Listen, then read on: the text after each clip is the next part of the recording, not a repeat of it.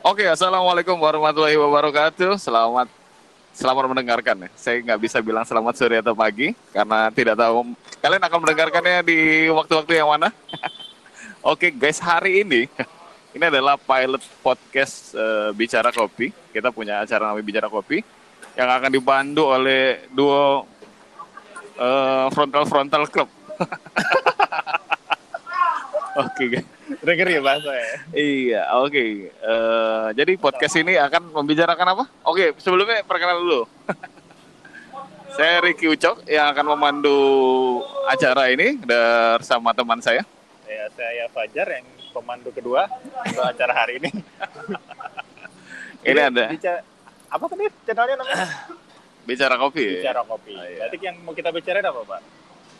Kopi. Kopi jelas. Enggak sih sebenarnya. Kalau bicara kopi mungkin kita akan sayangan sama podcast sebelah. Podcast sebelah ya. Podcastnya Pak Tony. Tapi kali ini kita akan membicarakan gosip-gosip dan gibah-gibah yang ada di perkopian. Jadi ornamen yang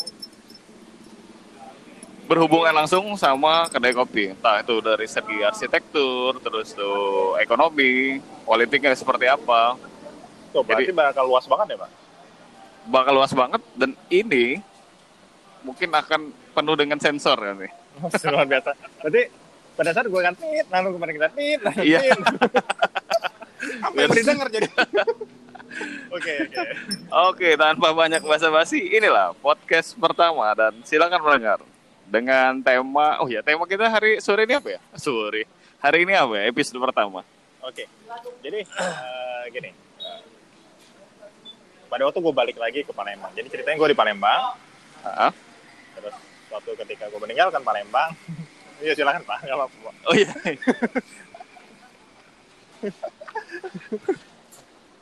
Dan gue balik lagi gue melihat ternyata eh, kedai kopi terutama misalnya kita ngomong Palembang itu luar biasa banyaknya.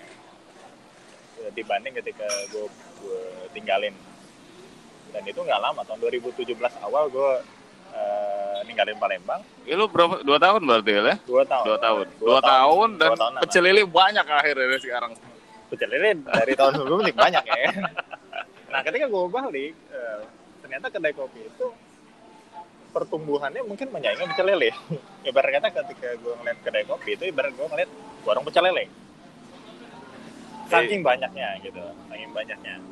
Kita yeah. ngomong kedai kopi itu ya kedai kopi yang ya yang dulu biasa kita bilang specialty terus apalah itu gitu kan bukan warung kopi sekedar warung kopi yang yang dulu itu gitu. Itu maksudnya. Iya ini kayaknya pecel lele jadi banyak. Dan kopi to go ini udah kayak buat gua kayak dum dum Taiti gitu ya Taiti otentik Iya, otentik Taiti yang kita nggak tahu yang mana Taiti otentiknya ya jadi kayak di setiap mall tuh ada lebih dari dua atau tiga lah ya, entah mereknya apa. Yang janji jiwa tuh ada janji hati, udah ya apalagi itu yang PHP dan lain-lain itu lah. Iya. Oke, jadi dari kesimpulan lo dua tahun dan lo balik lagi ke Palembang, nah apa jadi pertanyaannya sehingga ini harus kita bahas di sini. Nah, kalau kita ngomongin kopi, uh, kedai kopi, berarti kita bicara tentang bisnis ya gue langsung ngeliat bisnisnya aja ya, emang bisnis kopi sorry bisnis bikin kedai kopi itu segitu menjanjikan ya secara bisnis gitu. Ya. Sehingga ketika orang seolah-olah berlomba-lomba untuk bikin kedai kopi. Atau ini cuma sekedar tren. Ya semata-mata sekedar tren gitu. Itu pertanyaan pertama yang muncul gitu. Iya sih, sebenarnya ini hal yang udah pernah dibahas sebelum-sebelum ya sama partner kita satu lagi yang lagi di Medan ini. bahwa bahwa apakah kedai kopi akan menjadi tren aja atau berkembang menjadi sesuatu yang jauh lebih. Oke. Okay. oh. Itu pernah kita bahas juga. Cuma menurut gue, menurut gue sih ini iya sih bener. Gue mengamini bahwa bukan hanya Palembang ya. Kita akan membahas skup karena kita orang Palembang. Oke. Okay. Palembang tuh udah banyak banget sekarang. Sedangkan, sambil ngopi pak ya? Iya siap, kan obrolan kedai kopi pak. Bener pak. jadi gua ngeliatnya emang oh ini jadi banyak banget satu. Bahkan satu kedai aja udah punya tiga sekarang. Bahkan empat, mau enam malah. Oh iya. 6 poin kosong. Ini kalau di Bandung udah kayak Kozi. Oh iya. Kozi kopi itu Kencang banget ya. malah 3.1 deh pokoknya. Terus yang main. Iya. Nah, oke. Satu, itu pertanyaan kedua sebenarnya. Ketika satu orang berniat untuk membuka sebuah kedai kopi, apakah itu menjadikan? Yang kedua, sebuah kedai kopi membuka cabangnya atau beberapa cabang. Jadi kan itu menimbulkan pertanyaan, apakah dia itu memang menjanjikan? Secara bisnis ya. Apalagi kalau itu buka kurang dari mungkin dalam tiga bulan atau mau bulan gitu. Apa Dari ya? ilmu yang ilmu perekonomian perbisnisan ini kira-kira masuk nggak hitung-hitungannya? Langsung ke situ kita. Langsung ke situ. Tiga bulan buka cabang atau kira-kira kita kira kita buka kedai kopi ini kira-kira bakal balik modal lah sebelum untung itu berapa lama ya? Iya, gua sebagai pemilik kedai, hal. oh ada kedai pak ya? Iya. Akhirnya saya membuka jati diri saya, pendengar. Nggak ada. Menurut gue sih menjanjikan atau tidak, sebenarnya menjanjikan. Tapi kalau untuk dalam waktu tiga bulan lo harus eh bisa balik modal, itu gue masih ragu ya. Karena gue tidak merasakan hal-hal itu. oh itu tiga bulan terus gue tiba-tiba bisa bikin cabang kayaknya masih susah ya. Karena gue mau mulai kedai pun dari nol banget. Gue dari tempat yang dikasih free sampai sampai akhirnya gue berbayar lah. oke Nah, Jadi gue di saat waktu masih free atau mungkin momen gue salah. oke ya. Nah, mungkin pertanyaannya ke situ juga. Apa salah memulai waktu memulainya terlalu cepat waktu mulai terlalu cepat mungkin. Jadi saat kedai masih sepi-sepinya, pengopi masih ragu untuk datang ke kedai kopi karena menurut gue kopi ini akhirnya menjadi seperti Indomie, Pak. jadi apa? Jadi kayak Indomie, Pak. oke Indomie Indomie itu kan hal yang bisa dimasak di rumah, tapi Oke. ada yang jual gitu. benar Kopi itu adalah sesuatu yang bisa dibikin di rumah, Nah, tapi akhirnya dijual, lu beli Dijual. gitu loh. iya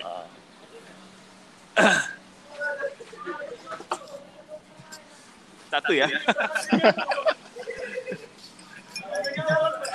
Jadi menurut gua eh gua memulainya eh, dulu dulu kali ya karena dulu masih sepi-sepi banget. Jadi eh, orang tuh masih masih transisi antara bikin kopi di rumah terus lu harus nongkrong. harus dong dan harus berbayar kopi yang sebenarnya lu bisa bikin di rumah Iya, dengan harga tertentu dengan harga yang lebih mahal. lebih mahal ya spesifik lebih mahal Iya, sepuluh ribu lu dapat seperempat kan. Kalau Iya. di kalau di kedai kan lu cuma dapat segelas. Kedai-kedai tertentu tapi yang jual sepuluh ribu. kalau yang di Sudirman sana dia udah tiga puluh ribuan. 30. ini nanti kena sensor kan tit gitu Enggak kita frontal frontal club aja. ya.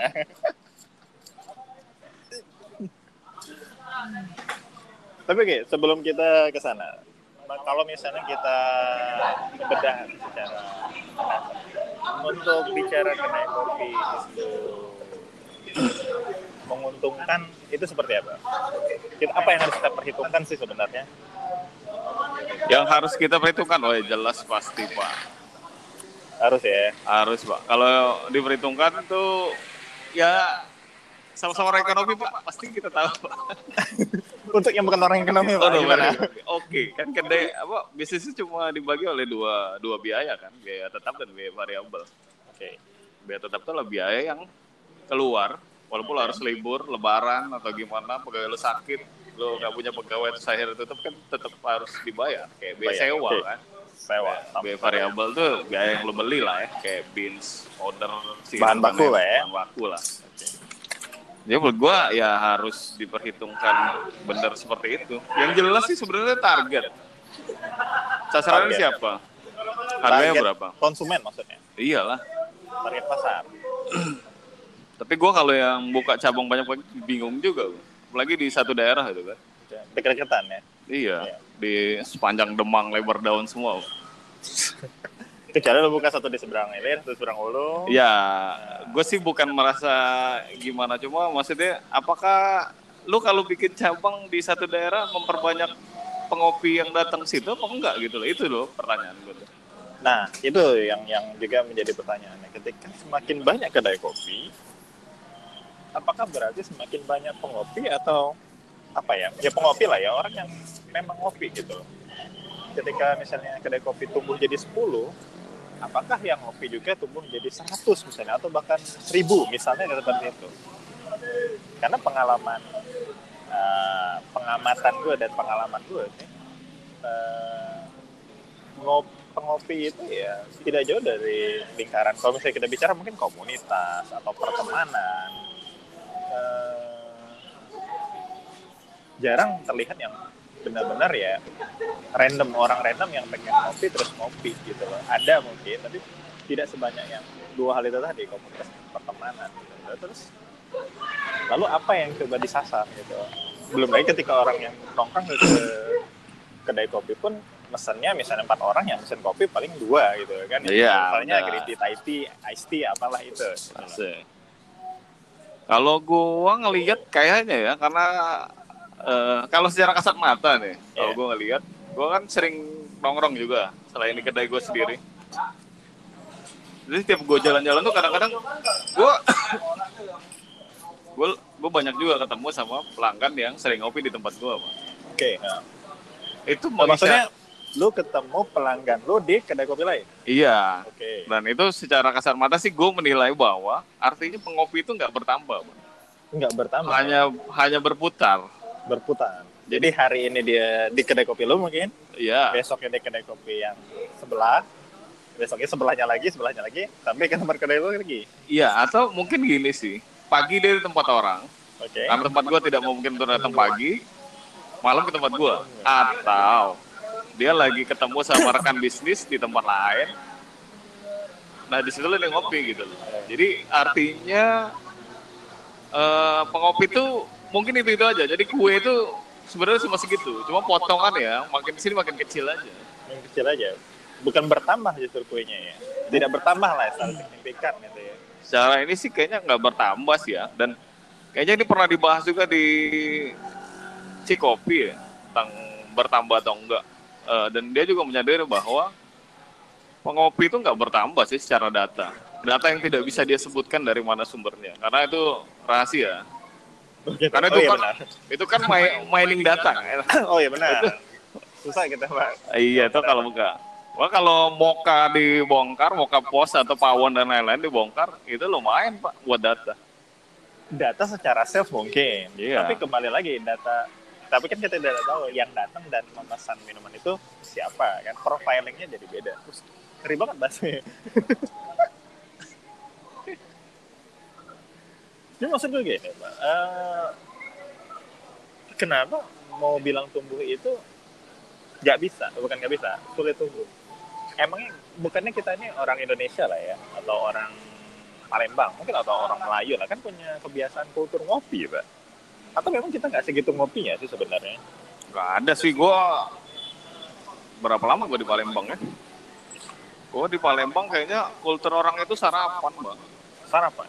Sarapan tuh udah pasti. Makanya mungkin kalau pendengar yang lagi mendengar gitu bisnis yang paling menjanjikan sarapan sebenarnya. Sarapan ya, benar ya.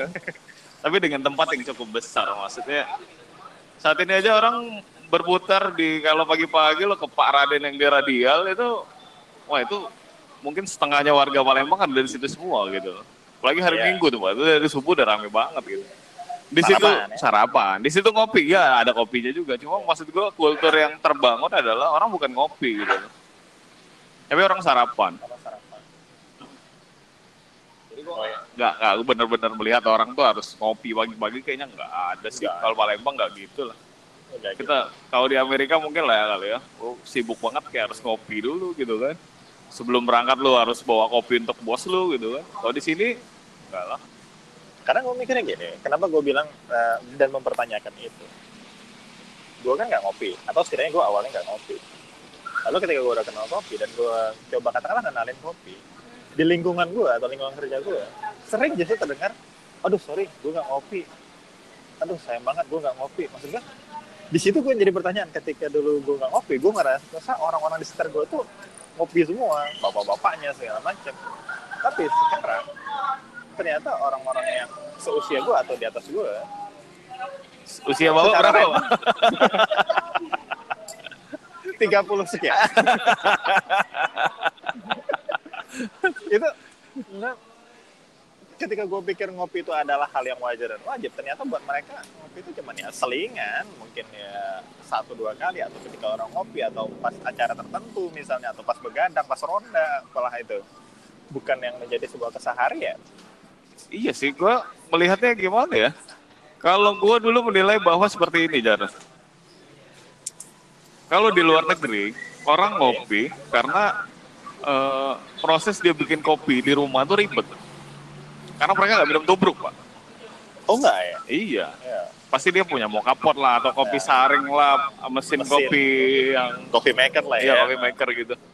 Jadi menurut gua kalau mereka akhirnya lebih memilih yang instan untuk datang ke Starbucks atau yang lain-lain coffee shop itu, gue bilang wajar. Tapi kalau di Indonesia untuk lu harus pagi-pagi ngopi di luar, lu bela-belain ke kedai satu kedai gitu, cuma buat kopi hitam atau ini, gua rasa enggak ya. Gue sih awalnya mikir gitu, cuma gue kepikiran juga apa yang lu bilangin. Karena gue sendiri nggak ngopi gitu loh. Gue bukan kopi edik soalnya. Gue tidak menghindari kopi, tapi gue bukan kopi edik. Artinya gue akan Sorry, itu seperti merek kedai kopi tertentu, Pak, tapi next line. Boleh disebutin lah. Oke. Jadi gue juga pikiran gitu. Banyak juga teman-teman gue yang nggak ngopi. Kalau ngeteh, iya. Akhirnya gue mempertanyakan itu. Ah, ini ada ceritanya. Eh, Akhirnya gue mau mempertanyakan itu sama dosen komunikasi yang di orang Palembang sih sebenarnya. Orang Palembang yang tahu budaya Palembang nih. nah, Jadi memang ngeteh itu adalah sesuatu yang lebih luxury kalau di Palembang. Oke, di Palembang. Jadi untuk eh, kan orang Palembang banyak di Ulu tuh, daerah Kertapati itu banyak tuh. Nah, Nah, mereka tuh lebih memilih ngeteh. Ngeteh itu lebih lebih wah, mungkin karena ke Inggris-Inggrisan kali ya. London-Londonan gitu. oh, jadi klub kebiasaan ngeteh itu karena terkesan lebih wah, bukan karena terkesan lebih ya orang Indonesia. Bukan karena eh kalau di Kertapati kan banyak yang mata sebenang semua, Pak. Banyak Chinese Chinese. Sorry. Mungkin perlu disensor. Enggak, itu kan banyak Cina. Iya. Maksud gua keturunan Tionghoa gitu. Mereka ke warga keturunan. Jadi lebih banyak ngeteh sebenarnya. Dan teh itu dianggap lebih luxury sih. Karena orang yang ngopi itu kalau kata dia sih eh, lebih ke orang-orang yang ada di pasar. Ya, mungkin ini subjek yang berbeda, tapi kalau gue merasa di setiap rumah di kita lebih banyak teh kemasan ketimbang kopi. Artinya secara random dalam satu keluarga lebih lebih banyak yang teh ketimbang yang kopi. Tapi ini mungkin pembahasan yang lain Ya. terkait kopi berbanding teh ya. Oh itu Cuman podcast kedua kan ya. boleh ya. Cuman itu tadi. eh Oke kita ngeliat eh, sebenarnya bisnis ini berarti sebenarnya jawabannya bisnis ini seperti apa pak? Menjanjikan kah atau atau memang sudah menunjukkan hasilnya bahwa oke gue udah jalanin bisnis ini atau teman gue udah jalanin dan oke atau ternyata yang nggak ter, yang terlihat banyak kedai kopi tumbuh tapi mungkin yang tidak terlihat banyak kedai kopi juga yang tutup atau kayak mana? Ya itu sebenarnya buah si malakama saya menjawab pertanyaan Bapak tuh.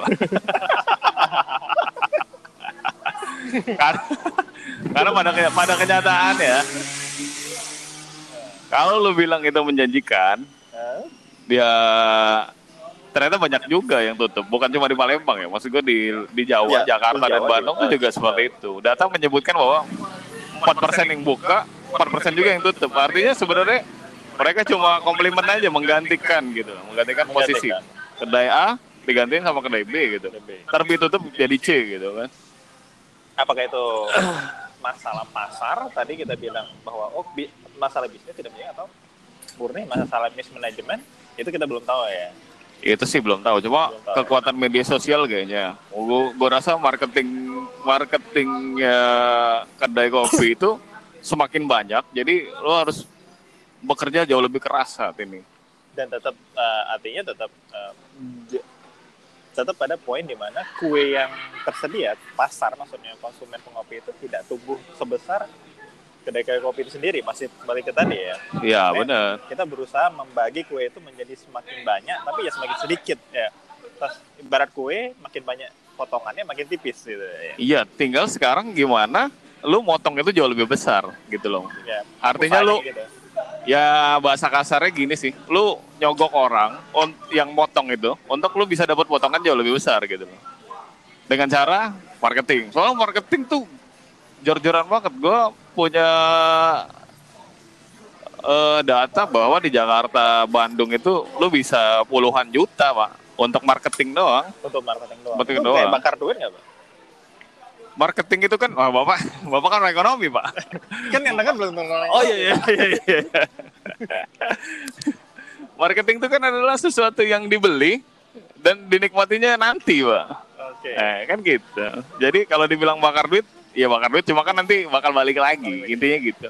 Asal marketingnya pas. Kalau marketing gagal, lu bener-bener bakar duit nanti. ya itu yang mukul sebenarnya kan ya iya benar. Nah, jadi ketika eh berarti ke depannya gimana? Kalau misalnya kita bicara, oke nih, kayaknya gue, ini kayaknya kedai kopi lagi rame nih. Ya ibarat kayak misalnya kita bilang apa tadi Thai tea itu semakin rame, atau misalnya dulu kita lihat eh, apa ya, sempet Milo dulu sempat rame. Oh ya, Milo produk gagal kayaknya. Nah, Gagal anjing. banyak produk-produk yang tiba-tiba jebrok apa happening tiba-tiba. Nah ketika- sekarang kita bicara kedai kopi orang atau misalnya gue ngeliat kayaknya ini menjanjikan lalu gue mau buka gitu. Ah, sebelum gue sampai pada konklusi oh mungkin gue mismanagement mungkin pengelolaan gue salah. Tapi emang prospeknya seperti apa sih gitu?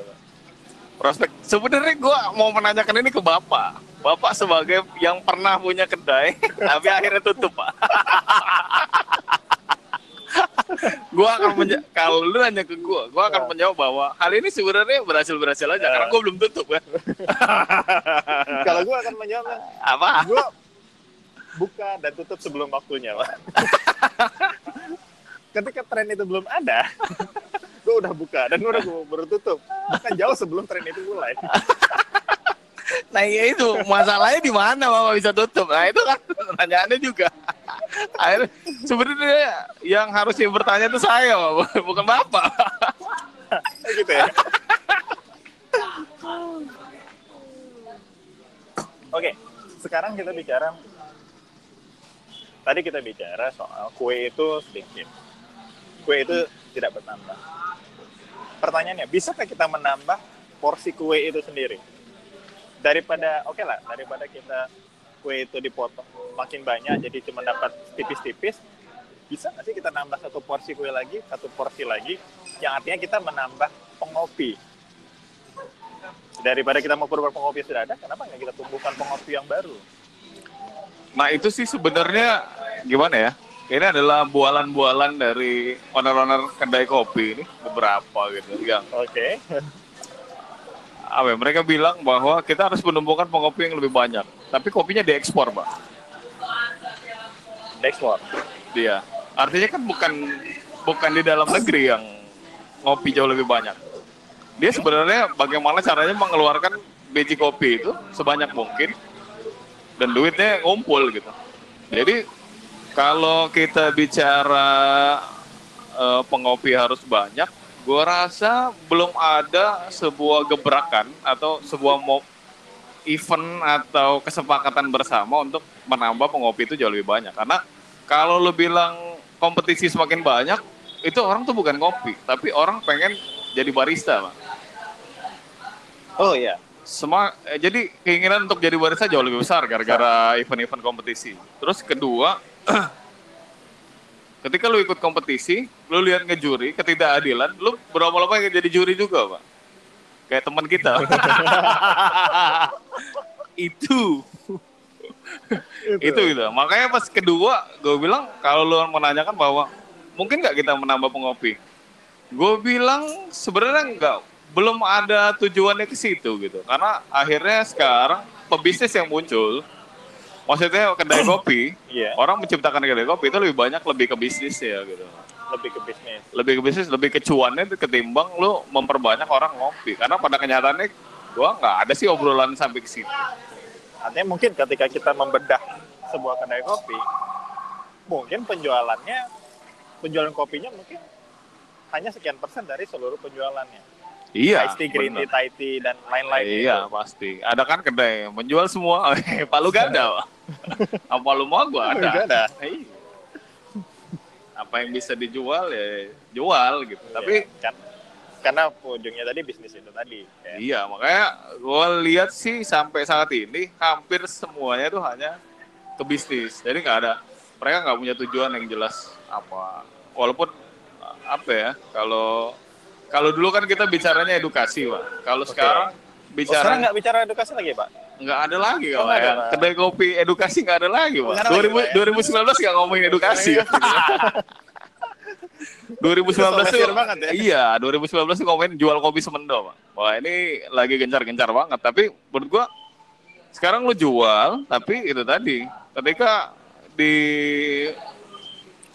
hulu banyak banget kopi, lu malah berlomba-lomba bagaimana cara mengeluarkan itu dengan segala cara. Maksudnya termasuk lu harus impor-impor, pokoknya.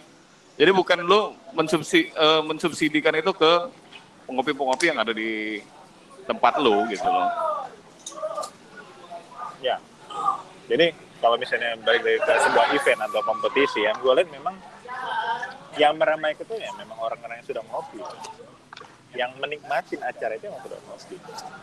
Orang yang nggak ngopi sepanjang yang gue lihat sekali lagi sepanjang yang gue lihat ya mereka cuma sekedar lintas lalu dan apa sih?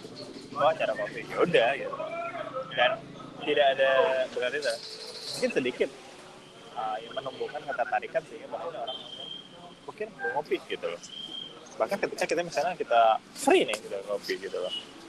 Uh, jadi artinya masih masih masih jauh ya ketika kita mau coba bicara menambah porsi kue itu ya. Benar banget.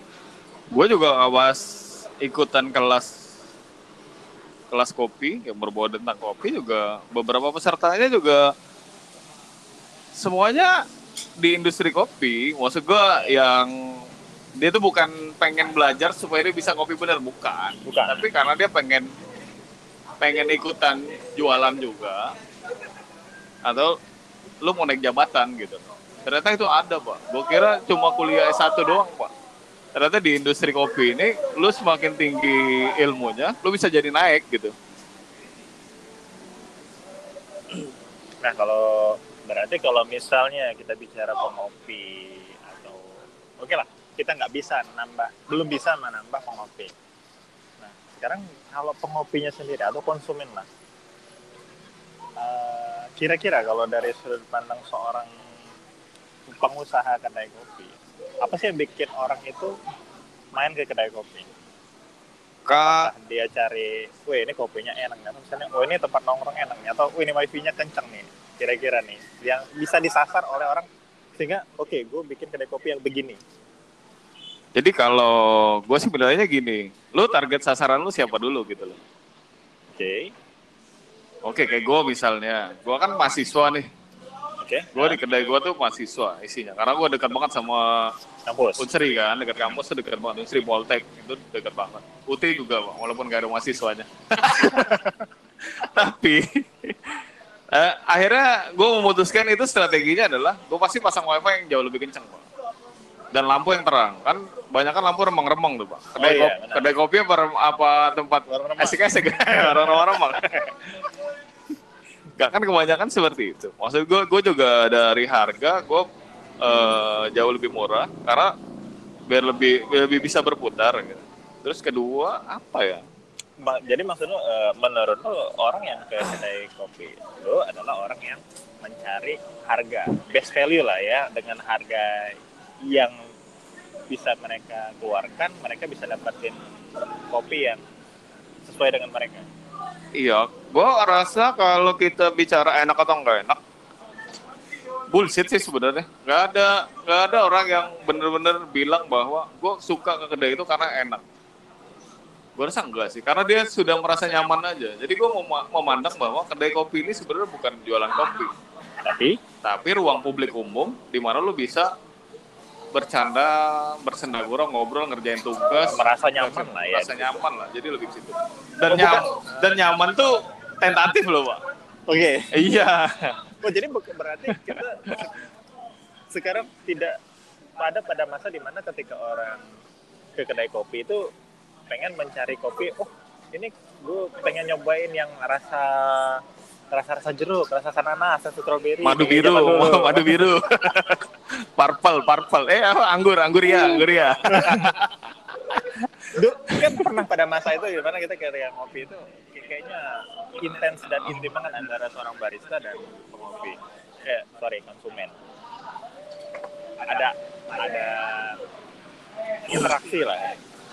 Ya, benar. pernah Makanya pada masa itu walaupun kemudian pada saat ini gue tidak merasakan keintiman itu lagi maksudnya ya orang mau ngopi ngopi aja gitu Iya benar. Sebenarnya apa ya? Kalau gue lihat sih kedai kopi saat ini benar-benar menjadi tren akhirnya. Akhirnya kita menemukan jawabannya. Jadi akhirnya kita menjawab sendiri ya Bang. menjawab sendiri pertanyaan itu.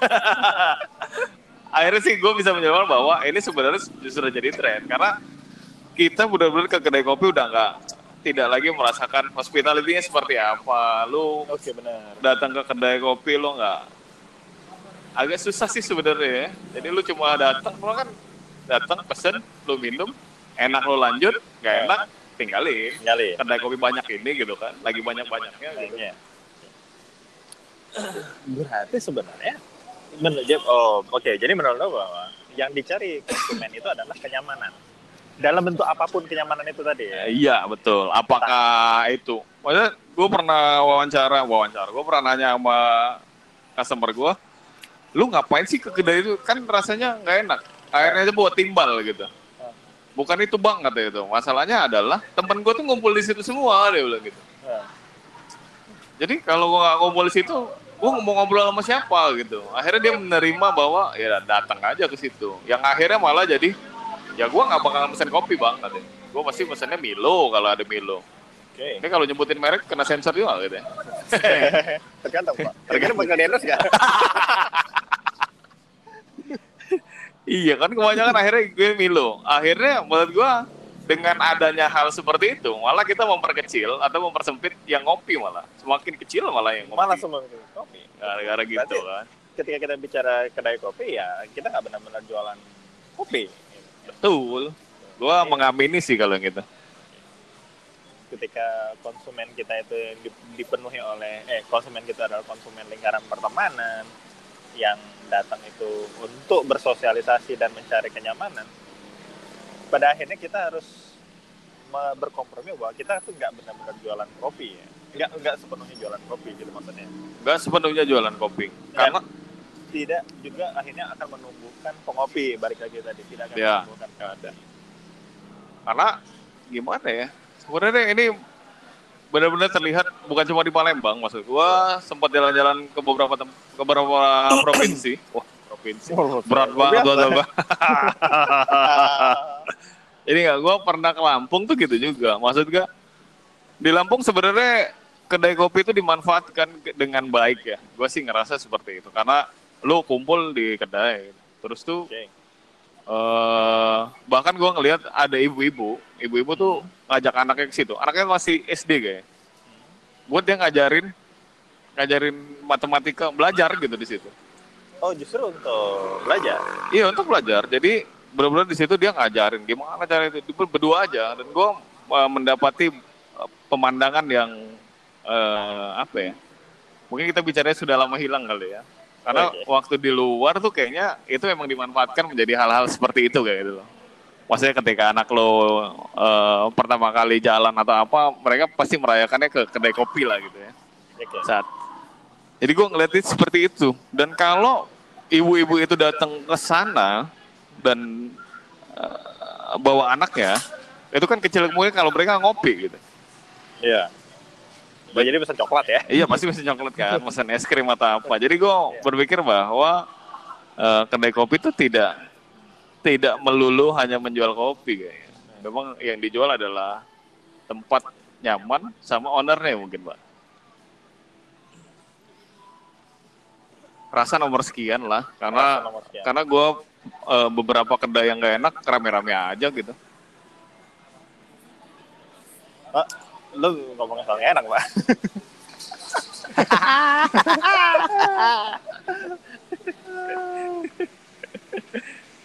Oke, jadi dengan dengan kalau kalau kalau bisa di bicara kopi ini, kita sepakat bahwa eh kita boleh sepakat atau tidak sepakat tentunya. Jadi kita menciptakan pro dan kontra. Kalian nanti pro atau di kontra dengan pembicaraan ini? Pro ke Rico Cok atau kontra ke saya? bahwa sebenarnya pertumbuhan kedai kopi yang segini banyaknya, terutama mungkin buat yang di Palembang, itu sebenarnya nggak nggak mempengaruhi pertumbuhan secara signifikan pengopi ya. Kita nggak bicara konsumen atau pengunjung kedai kopi, tapi kita bicara pengopi lah, karena judulnya aja kedai kopi kan. Iya, betul. Iya. Dan apakah kemudian dengan tren kita tadi sampai pada sebuah kesimpulan awal, eh, oh kedai kopi ini adalah sebuah tren bisnis yang lagi happening dan ini bakal menjanjikan ya seandainya mungkin teman-teman di luar sana mau coba, oke gue mau buka kedai kopi karena sedang menjanjikan. Nah, mungkin sampai di situ ya kesimpulan kita bahwa saat ini sedang tren. Sedang tren banget. Ya bahkan kan sebenarnya gua nambahin kesimpulannya adalah bahkan model-model venture itu aja dia udah mulai menginvestasikan uang-uang mereka, pundi-pundi uang dia untuk ke kedai kopi gitu loh. Kayak janji jiwa dan lain-lain, eh, Furi itu kan sebenarnya udah kapitalis Bahkan yang men- bahkan beberapa bisnis yang tidak ada hubungan dengan kopi pun jadi buka kedai kopi ya. eh iya makanya Jual ayam goreng, jual kopi. betul burger Burger. Flip, flip burger kan flip burger di mana jual kopi sekarang Serba jual kopi juga. Iya. ini. Iya, poin kopi Indomaret. Artinya tren ini sebenarnya saat ini lagi menjanjikan. Gue sih bisa menyimpulkan ini memang tren. Dan kalau mau bikin saat inilah gitu. Saat ini lah. Bukan dulu ya. Bukan dulu. dulu gue salah memulai. Enggak lah. Pelajaran, pelajaran. pelajaran. Mahal pelajaran.